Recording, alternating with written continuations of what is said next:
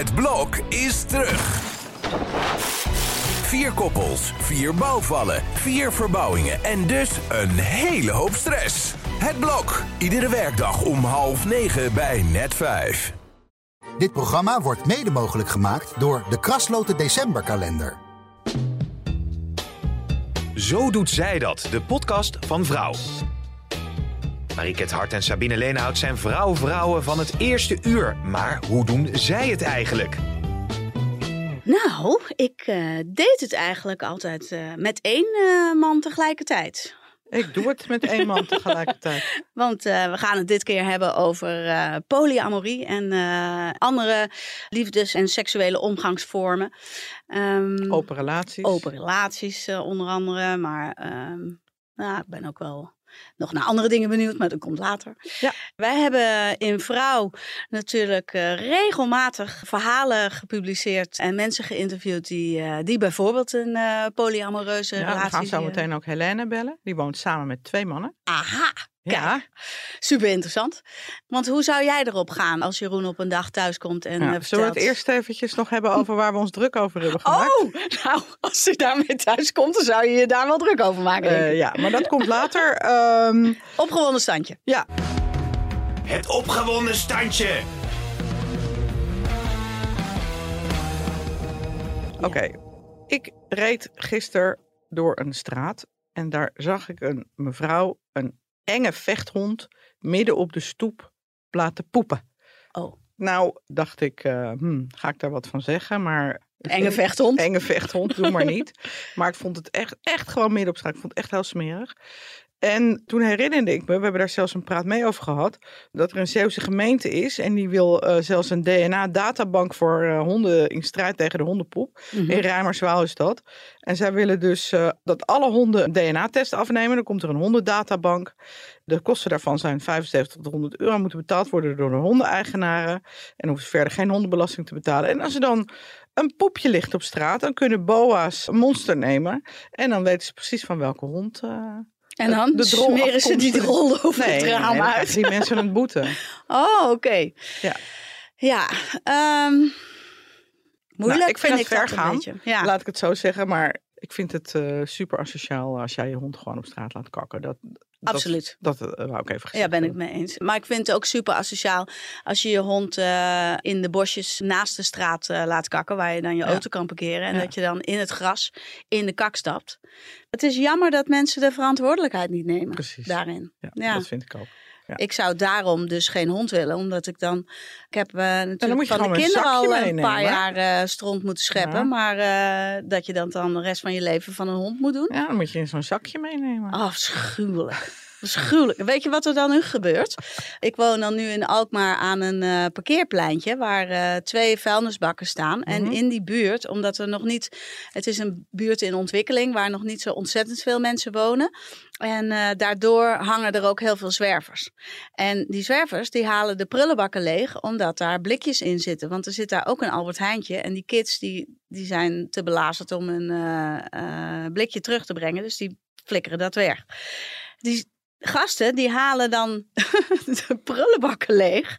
Maar er worden daar ook best wel veel honden uitgelaten. Dus er liggen ook voortdurend van die groenige uh, zakjes uh, met hondenstront oh, los naast de prullenbakken. Oh, wat vies. Die de meeuwen dan weer pakken. Nee. Dus die vliegen dan met die strontzakken door de buurt. Nou, werkelijk. Wat een gedoe. Misschien dat er een ander soort nou ja, ik denk dat gemeentes daar ook wel aan moeten. Een aan ander de soort zakjes. Nou, maar ook een ander soort vuilnisbakken. Ja. Of in ieder geval een andere uh, inzamelmogelijkheid voor die blikjes. Want het wordt inmiddels best wel een probleem. Ja. Nou ja, bij ons in Amstelveen heb je dus helemaal geen open prullenbakken meer. Dus alleen maar uh, toegankelijk met je, met je pasje. Met je pasje, ja, ja. Met een afvalpas. Ja, maar voor het gewone publiek op straat heb je nog steeds wel, ja, dan heb je nog steeds wel prullenbakken, prullenbakken. losse ja, prullenbakken nodig. Maar goed, we maar goed, dwalen heel erg af. Ja. Want we gingen het over open relaties hebben. Ja, interessant hè? Nou, ja, je hebt natuurlijk twee uh, uh, verschillende soorten. Ja. Uh, die je polyamorie en polygamie. Polygamie, die moet je eigenlijk niet met elkaar verwarren. Want polyamorie, dan kies je er dus voor om op een heel gelijkwaardige manier met partner 1 en partner 2 Mhm. en partner 3 eventueel met elkaar om te gaan. Dan weet je dit van elkaar. Ja. En dan heb je nou ja, een beetje afhankelijk van de afspraken, maar dan heb je een beetje dezelfde rechten ook. Ja. En in polygamie, dat is heel erg vanuit de man bepaald. En dan heeft die man, die heeft verschillende vrouwen. Wat Ja, natuurlijk heeft in- ook heel vaak met religie te maken, hè? Zeker. In de islam. eh, Zie je dat gebeuren? zie Maar dat ook gebeuren? bij mormonen Ja. en eh, weet ik veel. In- conservatieve christenen. die doen dat ook. Ja, en, eh, En en bij de Maasai, eh, die zijn katholiek, veelal eh, in, in Kenia en in Tanzania, die mogen ook eh, meerdere vrouwen hebben. Ja, en je moet daar maar als vrouw ook mee instemmen dat dat oké is. Want dat geeft jou eh, de ticket naar de hemel. Het is echt Ja. verzonnen door mannen Ja. hoor. Tuurlijk is dat verzonnen door mannen. En heel veel vrouwen, dat zie je ook wel toch bij sister wives, dat ze vaak Ah, dat heel erg jaloers zijn en het allallemaal verschrikkelijk vinden. Afschuwelijk Maar, ja, vind maar dan dat. zie je ook wel dat de, bijvoorbeeld de oudste, die zegt dan, nou, het heeft ook voordelen, want eh, ik eh, eh, eh, laat gewoon die jongere vrouwen het huishouden doen. Ik doe niks meer. Ja, precies. Ja. Nou kan ik voor mezelf wel denken dat het, eh, dat het heus wel kan voorkomen dat ik van twee mannen kan Tuurlijk houden. kan dat. Ja, Dat is mijn vader, die is dus, eh, was massapsycholoog. ja, Die heeft ook onderzoek gedaan naar op wie je verliefd wordt. Superleuk Oh. onderzoek. ja. Nou, hij kwam tot de conclusie dat, ik geloof 90% van de mensen wordt verliefd op een partner die in een straal van 10 kilometer van zijn of haar voordeur woont. Oké. Oftewel, het is volledig toeval. Als jij in Rotterdam woont en ja, jouw, is de kans groot dat jouw partner dus ook in of om Rotterdam wordt en daar word je dan heel verliefd op. Maar stel je voor, je had in je leven andere keuzes gemaakt. Je was bijvoorbeeld gaan studeren in Nijmegen of je had een baan gevonden in eh, Zwolle. Mhm. Dan was je waarschijnlijk verliefd geworden op heel iemand anders. Ja, ja, ja. Dus dat mensen roepen van eh, ik, er is maar één ware of er is maar één grote liefde of ik kan nooit meer van iemand anders houden. Dat is dus niet zo. Nee. Nee, Nee. daar heb ik ook nooit in geloofd. En ik vond het overigens wel een, eh, een klein wondertje dat ik eh, uiteindelijk opnieuw verliefd werd na mijn huwelijk. Opnieuw verliefd werd op iemand. En die woonde toevallig ook eh, binnen 10 kilometer. Ja. Eh, binnen 10 meter ongeveer van Mhm. mijn huis. Nou nee, 100. Maar dat ik die dus in Bergen eh, trof. Ja, dat, dat vond ik echt heel bijzonder dat dat gebeurde.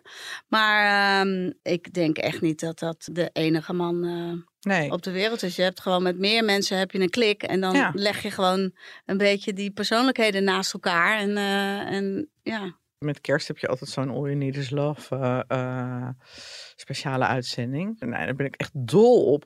Maar ja, dan zie je dus ook, ja, weet je wel, mijn vriend woont in Chili of weet ik veel. Mijn grote liefde woont in Australië. Ik zal nooit verliefd kunnen worden op iemand anders. En ik, nou, het is denk ik ook het feit dat iemand een beetje onbereikbaar is. Mhm. Net als eh, bijvoorbeeld het hebben van een getrouwde man. Dus, maar dan niet openlijk, maar stiekem. ja. Dat maakt zo iemand wel aantrekkelijker. Omdat iemand een beetje onbereikbaar is. Ja, misschien wel. Ja. Ja, ja weet ik niet Nou ja, ik zeker. heb, ik heb twee ja. vriendinnen die heel lange relaties hebben gehad met getrouwde mannen. Ja. En ik heb toen ook een boek gelezen van Astrid Joosten, die allemaal interviews had gedaan met, eh, van vrouwen met getrouwde mannen. Allemaal stiekem. Ja. en ze had ook psycholoog geïnterviewd. En die zei ook van ja, juist omdat je iemand nooit helemaal kan krijgen, blijft het gewoon spannend, die relatie. Ja. Ja, dat denk ik ook. Want je, eh, iedere keer moet je hem opnieuw een beetje veroveren. Want je wil hem toch aan jou binden. Ja, precies. En- En, je doet altijd extra je best. Je kleed je altijd leuk aan. Je Ja, je maakt bent altijd hapjes. leuker dan zijn eerste vrouw. Je hebt altijd zin in seks. Ja. Dus het verlangen blijft ook bestaan. Ja. Ik weet ook die ene vriendin, toen uiteindelijk zijn vrouw erachter kwam en hem de deur uitflikkerde en hij dus meteen bij haar introk, was die relatie binnen een half jaar uit. Mm. Ja. Want toen was hij helemaal niet zo leuk als zij altijd had gedacht. Nee. En toen ging hij ook meteen weer met andere vrouwen chatten. Ja, hij had dat dan ook op zijn eh Ja, beurt. eh, hij miste, dat soort hij, uitdagingen. hij miste nodig. het vreemdgaan. Ja. En die spanning van het stiekemen en het... ja.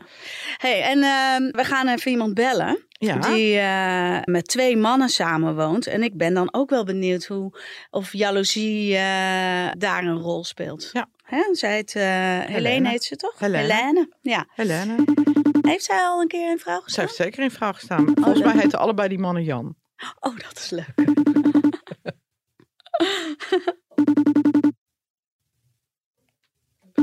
Oh, ik sta met Jan en Jan.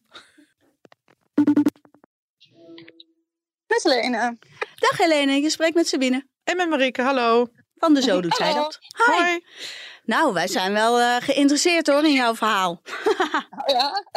nou, is al wel redelijk bekend toch, mijn verhaal? Nou, het is Nou, een niet beetje voor bekend. iedereen hoor, niet voor alle onze luisteraars. Maar jij woont samen met twee mannen en ze heten allebei Jan, klopt dat?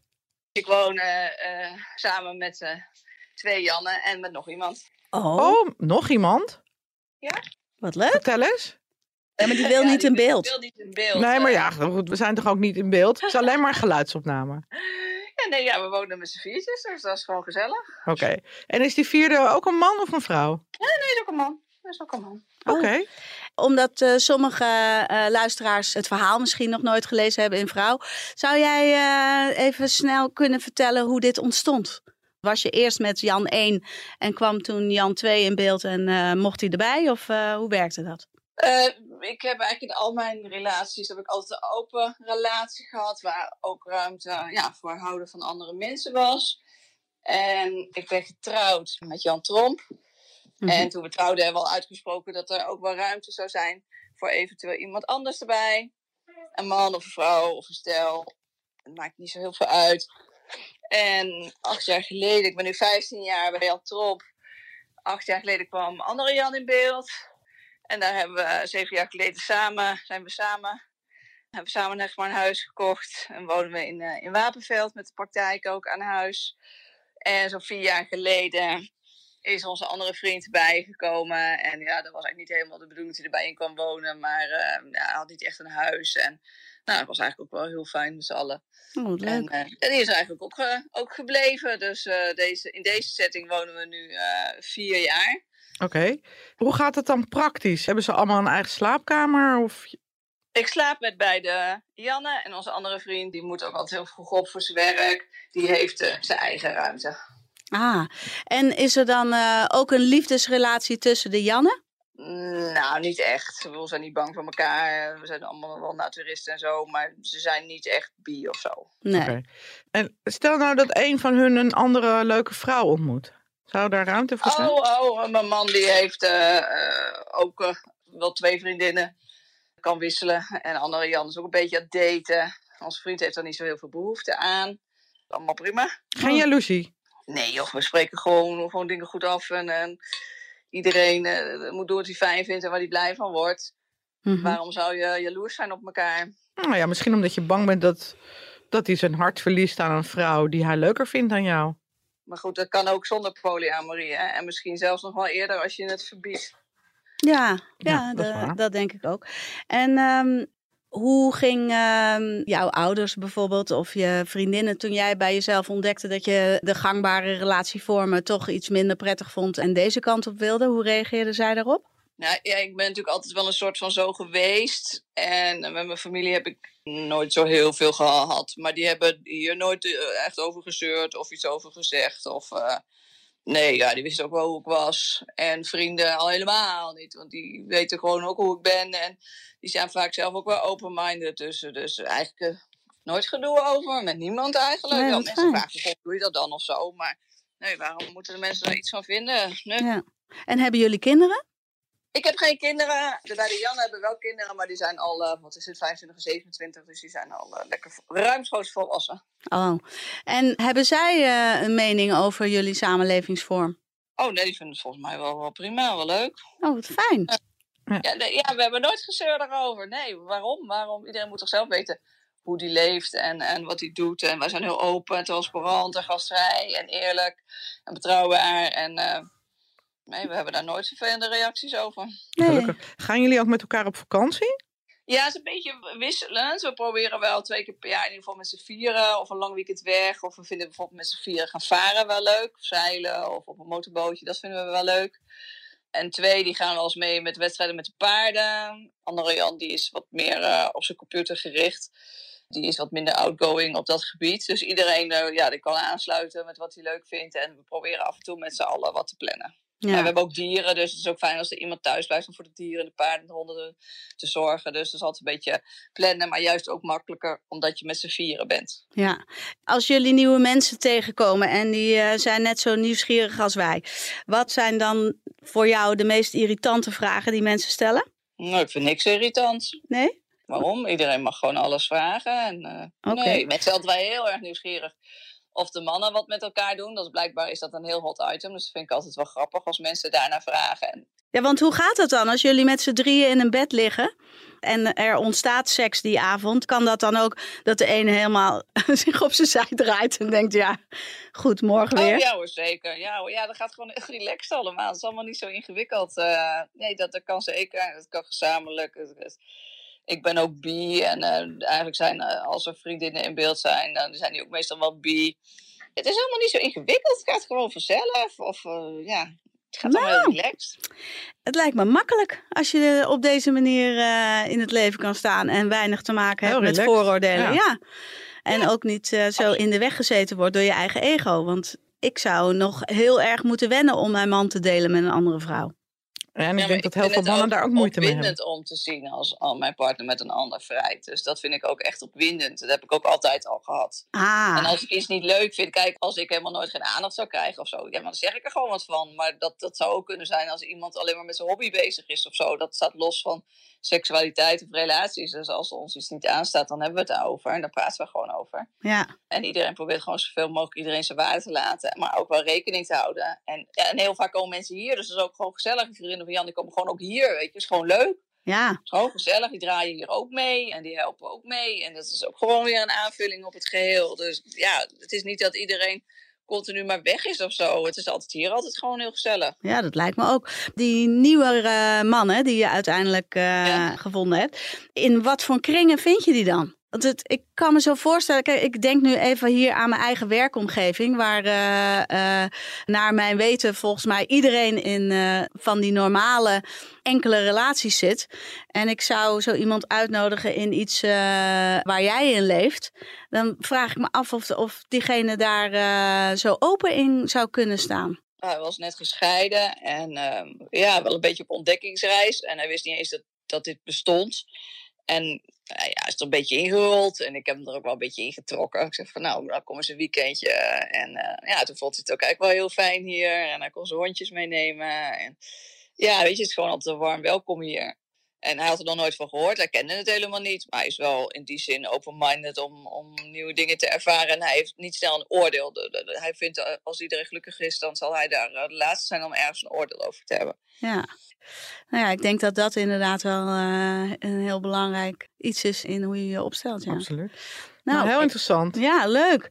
Nou, ik ben blij. Uh... Mij, dat was mijn buurman, die kende mij al tien jaar. Dus die wist al wel wat ik deed en hoe ik in elkaar zat. Dus dat scheelde. Ja. En Jan 2, zeg maar, die leefde al een poos polyamoreus met zijn toenmalige partner. Die, die kennen het woord al eerder dan dat ik het als woord kende. Ja. Dus die had zich er ook al heel erg in verdiept. Dus dat is ook alweer een hele andere situatie. Dus het zijn allemaal drie totaal verschillende mannen. En het had ook een vrouw kunnen zijn hoor. Maar ik vind mannen iets makkelijker om mee samen te leven dan vrouwen. Met vrouwen wordt het toch wat makkelijker een bitchfight. En ik ben zelf ook wel een beetje dominant typeje.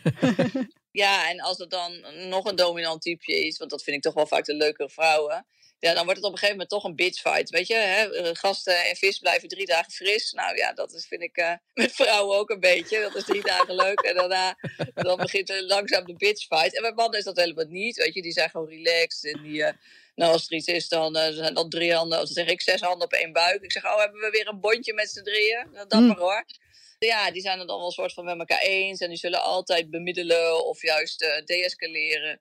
Ja. En uh, die hebben een hele rustige invloed. Dus dat vind ik het fijne van met mannen. Maar uh, het had op zich ook een vrouw kunnen zijn. Zeker fysiek. Ja. ja. Nou, de laatste vraag. Is seks nou een hele grote drijfveer in deze hele samenlevingsvorm? Nou, voor mij is seksualiteit wel heel belangrijk. En ja, alle mannen beleven dat toch weer op hun eigen manier, met hun eigen voorkeuren ja, wat leuk is, dat ik dat met alle drie op een andere manier kan beleven. En dat dat voor mij wel een heel mooi compleet plaatje geeft. Weet je, het scheelt ook dat je bij je vaste partner, als je één partner hebt, moet gaan lopen surfen. Ja, maar ik wil dat ook of ik wil dat ook. Ik denk dat je gewoon niet alles in één partner kan vinden. Ja, en misschien ben ik gewoon tegencentrisch, dat ik het leven ten volle wil leven. Dat ik alles ja, toch wil ervaren. Mhm. En dat ik het ook op die manier invul. Maar dat is niet alleen seksueel, dat is ook met hobby's of interesse. Met de een kan ik dit en met de ander doe ik dat. En ik vind dat echt heel fijn. Er is altijd wel iemand die mee wil doen of mee wil helpen. Ik ben gewoon een heel levendig, uh, actief uh, typeje. Ja. Ik zult mij niet op de bank vinden, tv hebben we niet eens. Uh, ik stuit er graag de hele dag rond uh, om het leven te leven. En ja, dat, dat houden niet veel mensen bij. Ja. Dus dan kunnen ze een mooie ploegendienst afwisselen. nou, goed, dat lijkt me wel een mooie afsluiter. hey, dankjewel voor je tijd en uh, voor je verhaal. Wellicht tot een andere keer. En veel plezier. Ja, ja komt helemaal goed. Dank je. Oké, okay, dag. Jemig. Zou het wat voor jou zijn? Nou, als ik het zo hoor, wel ja. Je bent ook een dominant typeje. Ik ook hoor. ja, maar niet per se heel dominant over mannen hoor. Dat nee, maar, nou, maar ik, ik herken wel een beetje dat ik mannen makkelijker vind om. Ik heb heel veel vriendinnen. Ja. Maar het zijn inderdaad ook best wel ja, vrouwen met een sterke wil. Ja. Dat heb ik natuurlijk zelf ook. Ja. En ik kan me inderdaad voorstellen dat het samenwonen met andere vrouwen, dat dat misschien uh, lastiger is dan samenwonen met mannen. Ja, misschien wel. Wat ik mooi vind is dat zij elkaar zo ontzettend in hun eigen waarde laten. Ja. Dat je zonder veroordeling, ook als die, die derde man erbij komt, dat die twee Jannen dat dan helemaal prima vinden. Ja. Maar ja, zij hebben ook nog andere vrouwen die ook uitgenodigd worden daar en ook weer buitenshuis gezien worden. Ja, wat ik al zei, weet je, mijn ego zou er gewoon last van hebben. Ja, je moet heel open-minded zijn, ja. zelfverzekerd. Dus niet onzeker van, oh god, weet je wel, uh, die andere vrouw is knapper of slanker of jonger. Of ja, ja, ja. Open-minded, zelfverzekerd en een ruim hart. Ja, mooi. Ja, nou ja, ik ben zo gewend aan relaties volgens een bepaalde norm. Maar ik denk dat het voor niemand raar klinkt dat als je langere tijd een relatie hebt, dat je heus wel in de war kunt raken van iemand anders. Dat denk ik ook. Ja. Maar dat is natuurlijk nog wel een, stap verder dan. Ik bedoel, ik denk dat als ik tegen Jeroen zou zeggen van nou, ik heb een uh, hele leuke man ontmoet daar en daar. Nou, ik ben heel gek op hem en uh, vind je het goed als hij hier ook eens een keer een nachtje komt slapen? Dat, ik denk niet dat dat erin zit. Hoor. Nee, maar als dat niet een nachtje. Um, ik heb eh, wel eens eerder een uh, polyamoreus uh, trio geïnterviewd. Een man en een vrouw hadden een relatie, waar jonge mensen trouwens ook hoor. En op een gegeven moment leerde zij een andere vrouw kennen waar ze verliefd op werd. En mhm. toen zei ze tegen haar man thuis: Jij moet haar echt ontmoeten. Ik weet zeker dat jij haar te gek vindt. Ja die ontmoeting die vond plaats. En hij vond haar inderdaad ook te gek. En die vrouw waar zij verliefd op was geworden, die was uh, biseksueel ook. En die vond die man ook leuk. Dus dat werd uiteindelijk een hele fijne, symbiotische uh, samenlevingsvorm. Ze hebben zelfs met z'n drieën een kindje gekregen. Dat was een van die eerste real-life mhm. interviews die ik voor de Grazia deed. Uh, nou, wel twintig jaar geleden denk ik toen dacht ik al, wauw, weet je, die jonge mensen die dit uh, zo open en eerlijk en ook naar hun familie en zo, die dat gewoon op een normale manier konden brengen. Dat is wel een mooie samenleving. Ja, maar ik ken ook een stel, die hebben hetzelfde ontmoet. Die hadden een, uh, een vrouw ontmoet op vakantie. Ik denk al wel tien jaar geleden of zo. En er was een single vrouw en die vonden ze ook wat gek. En daar waren ze ook verliefd op. Maar zij waren dus al heel lang samen. Toen kwam die vrouw erbij. Maar zij hadden dus ook nog een dochter van 16. Die ook nog thuis woonde. Nou, die trok dat helemaal niet. Nee. Dus uiteindelijk is die relatie met die derde vrouw geklapt. Ja. Ja, dat kan Want er zitten denk ik best wel wat haken en ogen aan. Ja. En misschien als ik tegen Jeroen zou zeggen, nou ik heb een hele leuke vrouw ontmoet, dan moet jij ook leren kennen en dan mag jij ook met die vrouw.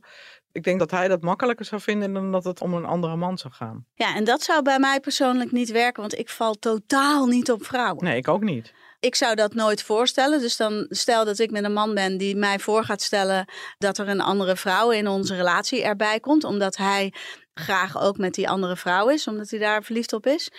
Ja, dat zou ik dus heel moeilijk vinden. Als ik zelf geen, uh, daar ben ik of te onzeker voor. Of te, nou ja, dat kan mijn ego gewoon niet aan. Nee. Nou, we hebben ook een uh, seksuoloog uitgenodigd om hier uh, met ons over mee te praten. Ja. En dat is Jolien Spoelstra en we gaan haar even bellen. Ja.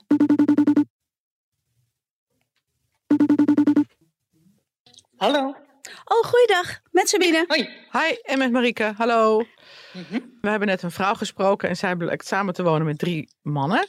En nou konden we ons daar nog wel wat bij voorstellen. Maar als onze man zou zeggen van ik wil er een andere vrouw bij, zouden we dat moeilijker vinden. Hoe kijk jij daar tegenaan? Ja, kijk, voor iedereen is dat natuurlijk een beetje anders. Wat voor jou oké is, of wat voor jou goed voelt, of waar jouw grens ligt. Of alle mensen hebben daar andere grenzen. En als dat voor jou moeilijk is, is dat natuurlijk ook heel terecht. Dat is gewoon prima. En dat uh, hoeft ook niet iets te zijn wat je zou moeten accepteren als dat uh, echt helemaal tegen jouw gevoel indruist. Maar er zijn ook genoeg mensen die zeggen, nou dat, dat zou ik wel kunnen begrijpen of dat is wel oké, ik heb daar geen problemen mee. En dan is het natuurlijk uh, mooi als je dat samen kan exploreren. Ja. ja, want wij gingen het ons even heel erg voorstellen. Marieke is al uh, uh, 30 jaar met dezelfde man. Ik was uh, bijna 10 jaar met dezelfde man. Dat is dan nu over. Maar als hij vandaag tegen mij zou zeggen: joh, ik zou graag een nieuwe vrouw in onze relatie voegen ik zou daar onzeker van worden en denk ik wel moeite mee hebben. Kom jij dit soort casus wel eens tegen in je praktijk bijvoorbeeld? Ja, ja zeker. Ja, ja, dat gebeurt. Ja, het gebeurt gewoon. Kijk, de mens heeft de mogelijkheid om verliefd te worden op meerdere mensen. Mm -hmm. uh, niet alleen op één iemand. En de mens heeft ook de mogelijkheid om zich seksueel aangetrokken te voelen richting meerdere mensen en te houden van verschillende mensen.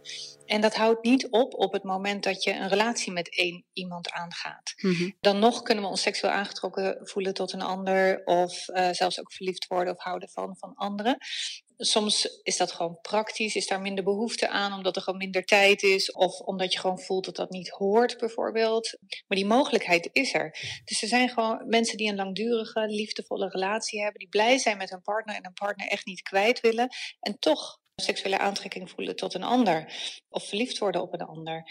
En dat er heel graag bij willen voegen. Mm -hmm. Maar dit is natuurlijk in de huidige maatschappij is dit niet standaard voor de meeste mensen. En ook niet wat we geleerd krijgen wanneer we opgroeien over hoe een relatie eruit zou horen te zien. Of hoe twee geliefden met elkaar om gaan of hè, zo. Mm -hmm. Dit is vaak echt wat anders dan dat we meestal meekrijgen. En heel veel mensen hebben dan toch vaak het gevoel van, ja, ben ik dan niet genoeg voor jou? Of voldoe ik niet aan je wensen? Of ben je ongelukkig met mij? De meeste partners hebben dan vaak het gevoel van, blijkbaar voldoe ik niet helemaal. En worden daar dan onzeker of jaloers van. Ja. Stel nou dat je daar wel uh, ruimte toe wilt bieden hè, in je relatie. Hoe, hoe kun je dan aan jezelf werken om daar overheen te stappen? Ja, ja, nou, voor sommige mensen lukt dat ook, ook niet. En weet ook, het hoeft ook niet. Hè? Ja, je partner kan dat voorstellen en vragen. Maar als dat echt niet bij je past, dan uh, ja, moet je in, in relaties of seksualiteit. Uh, zou ik nooit propageren dat je dingen moet doen die voorbij je grenzen gaan. Dus als je echt voelt dat het niet bij je past, moet je het niet doen. Maar als je zegt, ik wil dit wel exploreren, dan is het ook goed om te kijken van wat, wat gebeurt er nou bij mij wanneer jij iets met een ander wil? En wat maakt mij dan daar onzeker uh, mm-hmm. over? Of waar word ik jaloers van? En waar komt dat vandaan? En kunnen we het daarover hebben? Zodat we ook misschien dingen in kunnen bouwen, zodat dat wat minder is. He, dus een boel mensen maken ook allerlei afspraken over juist de dingen waar ze heel onzeker over zijn, dat ze dat gewoon niet doen of nu nog even niet doen. Maar ook afspraken over hoe ze de verbindenis samen heel sterk kunnen houden. De rituelen bij het weggaan of thuiskomen zodat ze echt ook dat gevoel juist heel sterk houden van wij zijn oké okay met elkaar, ondanks dat jij ook met iemand anders bent of ik met iemand anders ben. Ja, ja, ja. Ja, daar kan ik me ook wel iets bij voorstellen hoe dat zou werken, ja. Maar ja, ik zou misschien ook wel, als mijn partner dat zou voorstellen en ik zou nee zeggen, zou ik misschien ook wel bang zijn dat hij dat dan stiekem zou gaan doen. Ja, en ook als je partner dat niet voorstelt, ja, dan is die mogelijkheid er natuurlijk ook. Dat iemand iets stiekem doet. Mm-hmm. Het feit dat iemand het voorstelt is vaak juist ook een teken dat iemand zegt van ik merk een behoefte bij mezelf die ik graag wil onderzoeken, waar ik graag iets mee wil, die ik serieus wil nemen. Maar ik wil dat juist niet achter jouw rug doen. Ik wil dat juist graag in het daglicht, niet in de schaduw ergens, hè, maar in het daglicht samen met jou. En dan eigenlijk ook vaak alleen met toestemming van jou. Anders wil ik het niet. Mm. Want wij, jij en ik, zijn mij heel veel waard. En ik, ik zou dit heel graag met jou willen kunnen exploreren. Dus heel vaak zijn er mensen die juist een open relatie hebben, die zijn vaak juist wars van het vreemdgaan en de geheimzinnigheid en dat soort zaken. En vinden het soms ook heel vervelend, bijvoorbeeld als ze dan een partner vinden of daten met iemand die dat weer niet aan dienstpartner vertelt. Dus die ja. vreemd gaat met dienstpartner. Ja. Omdat dat juist eigenlijk een beetje indruist tegen waar ze ethisch in geloven. Wat hun overtuiging is dat je juist in open en eerlijkheid dit soort dingen zou kunnen, moeten kunnen bespreken met elkaar. Ja. Is er een, uh, een overeenkomst in achtergrond van mensen die uh, op deze manier in relaties willen staan? Um, ja, ik zie wel eigenlijk twee groepen duidelijk naar voren komen. Ja. Ik zie duidelijk onder jongeren, niet alle jongeren, maar een groep van de jongeren, zie ik duidelijk dat er daar echt wat meer ruimte is voor andere relatievormen dan de seriële monogamie, zeg maar, die, we, die het meeste toegepast wordt. Mhm. En ik denk dat dat heel erg komt ook doordat jongeren wat meer door sociale media bijvoorbeeld wat meer inzicht hebben ook in andere culturen en andere mensen. En ook zien dat zaken als mannelijkheid, vrouwelijkheid, ehm, het huwelijk, monogamie en dat soort zaken, dat dat ook vaak culturele constructen zijn die Ja. afhankelijk van plaats en tijd veranderen in de wereld. Ja. En dat dat dus niet een vaststaand gegeven is van dit is hoe de mens is, monogaam, of dit is Mhm. hoe eh, een man is, Ja. maar dat dat kan veranderen en dat je dat dus ook los kan laten en zelf kan vormen naar hoe jij dat graag wil of hoe dat bij jou past. Ja. Dus ik zie het bij jongeren heel erg. En ik zie het ook bij, eh, dat is de tweede groep, bij ehm, eigenlijk mensen die vaak al rond de 45, 50 zijn, vaak al een heel leven opgebouwd, een hele geschiedenis, kindertjes hebben, et cetera. En dan, dan zie je dat een van twee bijvoorbeeld dus verliefd wordt op een ander of eh, toch zich heel seksueel aangetrokken voelt tot iemand anders. En dat graag wil exploreren, maar niet op wil geven wat ze samen hebben. En dan zie je echt dat mensen op zo'n kruispunt komen in het leven van, ja, moeten we nou alles wat we samen opgebouwd hebben weggooien, zodat we elkaar die vrijheid kunnen geven? Of, of kunnen we ook houden wat gewoon goed werkt en er iets aan toevoegen? En dan zie je ook dat mensen soms de, de switch maken naar non-monogame relatievorm. Ja. In welke vorm dan ook. Maar dan zie jij ze natuurlijk ook net iets vaker. Ja, precies. De Ja. jongeren zie ik wat minder vaak. Ja. En ehm, juist wanneer ze die switch maken van een monogame relatie naar een, noem dat dan, consensuele non-monogame relatievorm. En welke vorm dat dan ook is, dan komen ze soms bijvoorbeeld bij mij voor hulp om te kijken hoe ze die transitie kunnen maken. Ja. Nou, Jolien, ik, eh, ik denk dat wij er eh, weer een stuk wijzer van geworden zijn. Goed zo, Dankjewel. super. Ja, Ja. Dank voor je tijd en je inzichten. Ja, geen probleem. Ja, en heel veel succes verder. Dank je. Dankjewel. Doeg! Oké, doeg. Ja, ik ga er toch. ehm, ja, je gaat gewoon in, in je, nieuwe, je nieuwe relatie, ga je gewoon, zeg je vanaf dag één, hallo, ik wil het ook met anderen doen. Ja, nou ja, ik kan een voorbeeld nemen aan mijn eigen zoon, hè, die op dit moment knetter verliefd is. eh, en deze vrouw is ook knetter verliefd op hem. Maar zij heeft ook nog eh halve relaties met twee van zijn beste vrienden. Oké. Toen hij dat aan mij vertelde, ging mijn vastgeroeste idee van hoe een relatie eruit moest zien eh, en mijn beschermende moederlijke instincten, die, die maakten overuren. En eigenlijk had ik willen zeggen, yo schat, ik weet hoe jij naar de tering gaat als, eh, als een eh, verkering overgaat. Kijk uit, weet je. Ja. Toevallig zaten mijn eigen ouders erbij toen Noah dit Mhm. vertelde. Dat maakte het dus heel erg grappig, want mijn kinderachtige systeem ging aan wat bij de rol van dochter hoort. Ja. Dus mijn ouders die vonden hier, eh, die, nou vooral mijn moeder, die vond hier iets van. Ja. Daar ging ik natuurlijk eh, gewoon lekker puberaal tegenin. Dus Mhm. daardoor kon ik mijn eigen reactie naar Noah heel goed managen. En eigenlijk alleen maar tegen hem zeggen, nou, maar ben je dan niet bang dat je jaloers wordt op het moment dat je vrienden met haar afspreken? En toen zei Noah, nou, maar dat zijn mijn beste vrienden, die gun je dat toch?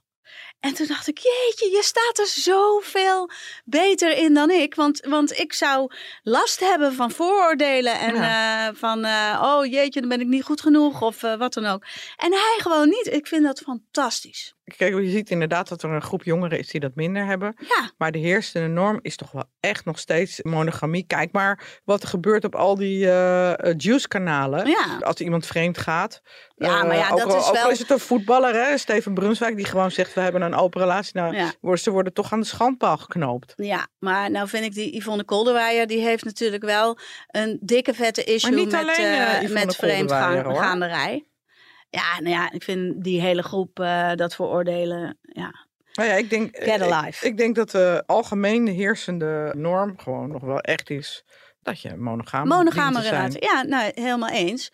Maar in mijn beleving is monogamie is een keuze. Mhm. En eh, wij zijn van nature niet monogaam. Daar ben ik 100% van overtuigd. Maar je kunt er wel voor kiezen. En je kunt met je partner... Ik kom natuurlijk redelijk beschadigd uit een huwelijk... eh, waarin er vreemd gegaan werd. Dus ging stiekem waren er eh, andere mensen in het spel. En ik heb daar nooit over nagedacht dat dat... Dat je dat zou doen, dat je dus A zegt en B doet. Dus ik ben daar wel een beetje beschadigd uitgekomen. Dus heb ik in mijn afgelopen relatie afgesproken Dat gaat mij dus niet meer gebeuren. Op het moment dat je dat gaat voelen, dan moeten we het gewoon verbreken. Dan moeten we het stoppen. Want uh, er is in mijn hoofd echt geen ruimte. Nou, dat zou nu, zijn we dan negen jaar later, had dat misschien best wel bespreekbaar kunnen zijn. Want het zou voor mij ook. Ik zie ook wel eens iemand waarvan ik denk: hmm, ja. daar uh, zou ik of mee willen seksen of beter willen leren kennen. En uh, ja, dat kan me voorstellen dat bij, bij je partner ook gebeurt. Hè? Dus daar verander je wel in. Ja. Maar goed, mannen zitten er sowieso een beetje anders in. Ja, daarom hebben we ook de rubriek Zo doet hij dat. Ja, precies.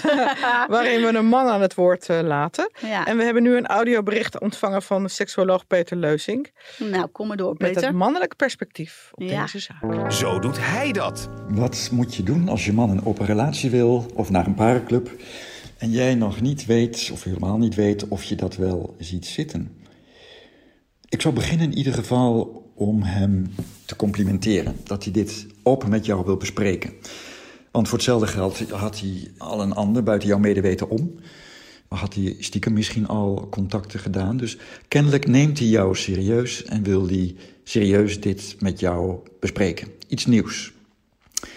Daarna zou ik niet meteen gaan reageren of je mening geven. Of even tussen avondeten en sportschool door. Ik zou ervoor gaan zitten met z'n tweeën. En ik zou eerst eens in de luistermodus gaan. En je zou de volgende vragen met hem of met haar kunnen bespreken. Wat zou je precies willen? Is het seksuele spanning? Of wil je nieuwe vrienden maken met, uh, met seks daarbij? Wil je eenmalig anoniem in verschillende plekken in Nederland? Zo af en toe op de Bonnefoy? Of wil je vaker met dezelfde personen, vaste avonden? Je kunt eens langslopen, mis je iets bij mij? Zou het je uitmaken als wij iets in onze relatie zouden veranderen? Of in de seks die we hebben met elkaar iets zouden veranderen? En uh, na die inventarisatie eventueel ook met, met je vriendinnen, vrienden over gaan praten... als je man dat tenminste goed vindt. En ga na of jij dezelfde behoefte hebt als hij. En kijk of het gaat om wil ik het wel of dat het gaat om durf ik het wel. Want daar zit ook nog een verschil in. En ga ook na en bespreek dat ook, dat als je het zou doen, welke voorwaarden je met elkaar daaraan wilt verbinden. Altijd of niet altijd met dezelfde persoon. laat je een SOA-test doen met er enige regelmaat. Verplicht condoomgebruik. Uh, vertel je het als je verliefd wordt. En überhaupt, kan jullie relatie dit aan? Ik denk dat dat het allerbelangrijkste is. Hebben we de communicatie, hebben we de mogelijkheden om uh, dit op te vangen als er verschillen ontstaan in behoeftes gaandeweg de rit? Als de basis eigenlijk al niet goed is en als je dit experiment wilt gebruiken om je relatie te redden, zou ik zeggen: doe het niet. Maar als je het ziet als een spanning, iets wat spannend is of wat ook terug kan keren in jullie eigen relatie, ja, dan is het misschien de moeite waard. Veel plezier. Nou, veel plezier. Veel plezier. Nou, uh, ik weet het nog steeds niet. nou ja, het grappige is dat zowel Jolien als Peter zeggen dat je het eigenlijk als een compliment moet zien dat je partner dat met je deelt. Ja, nou ik heb die behoefte in plaats van vreemd te gaan. Maar stel nou, jouw partner zegt ik wil echt dolgraag naar een parenclub. De man van een vriendin van mij die heeft dat op een gegeven moment tegen haar gezegd. Mhm. Nou, zij vond het helemaal geen goed idee. Zij had echt zoiets van, gadverdamme, ik wil dat helemaal niet. Nee. En bij hun heeft het ze niet dichter bij elkaar gebracht. Integendeel, zij verweet hem inderdaad dat hij niet genoeg had aan haar.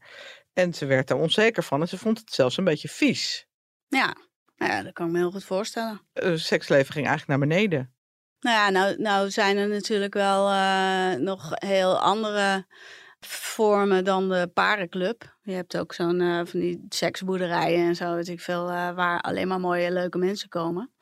Dus daar kan je, zou je ook nog voor kunnen kiezen. En dan wordt het iets veel spannenders. Maar het zou, het zou gewoon echt iets van jullie samen moeten, moeten worden. Ja.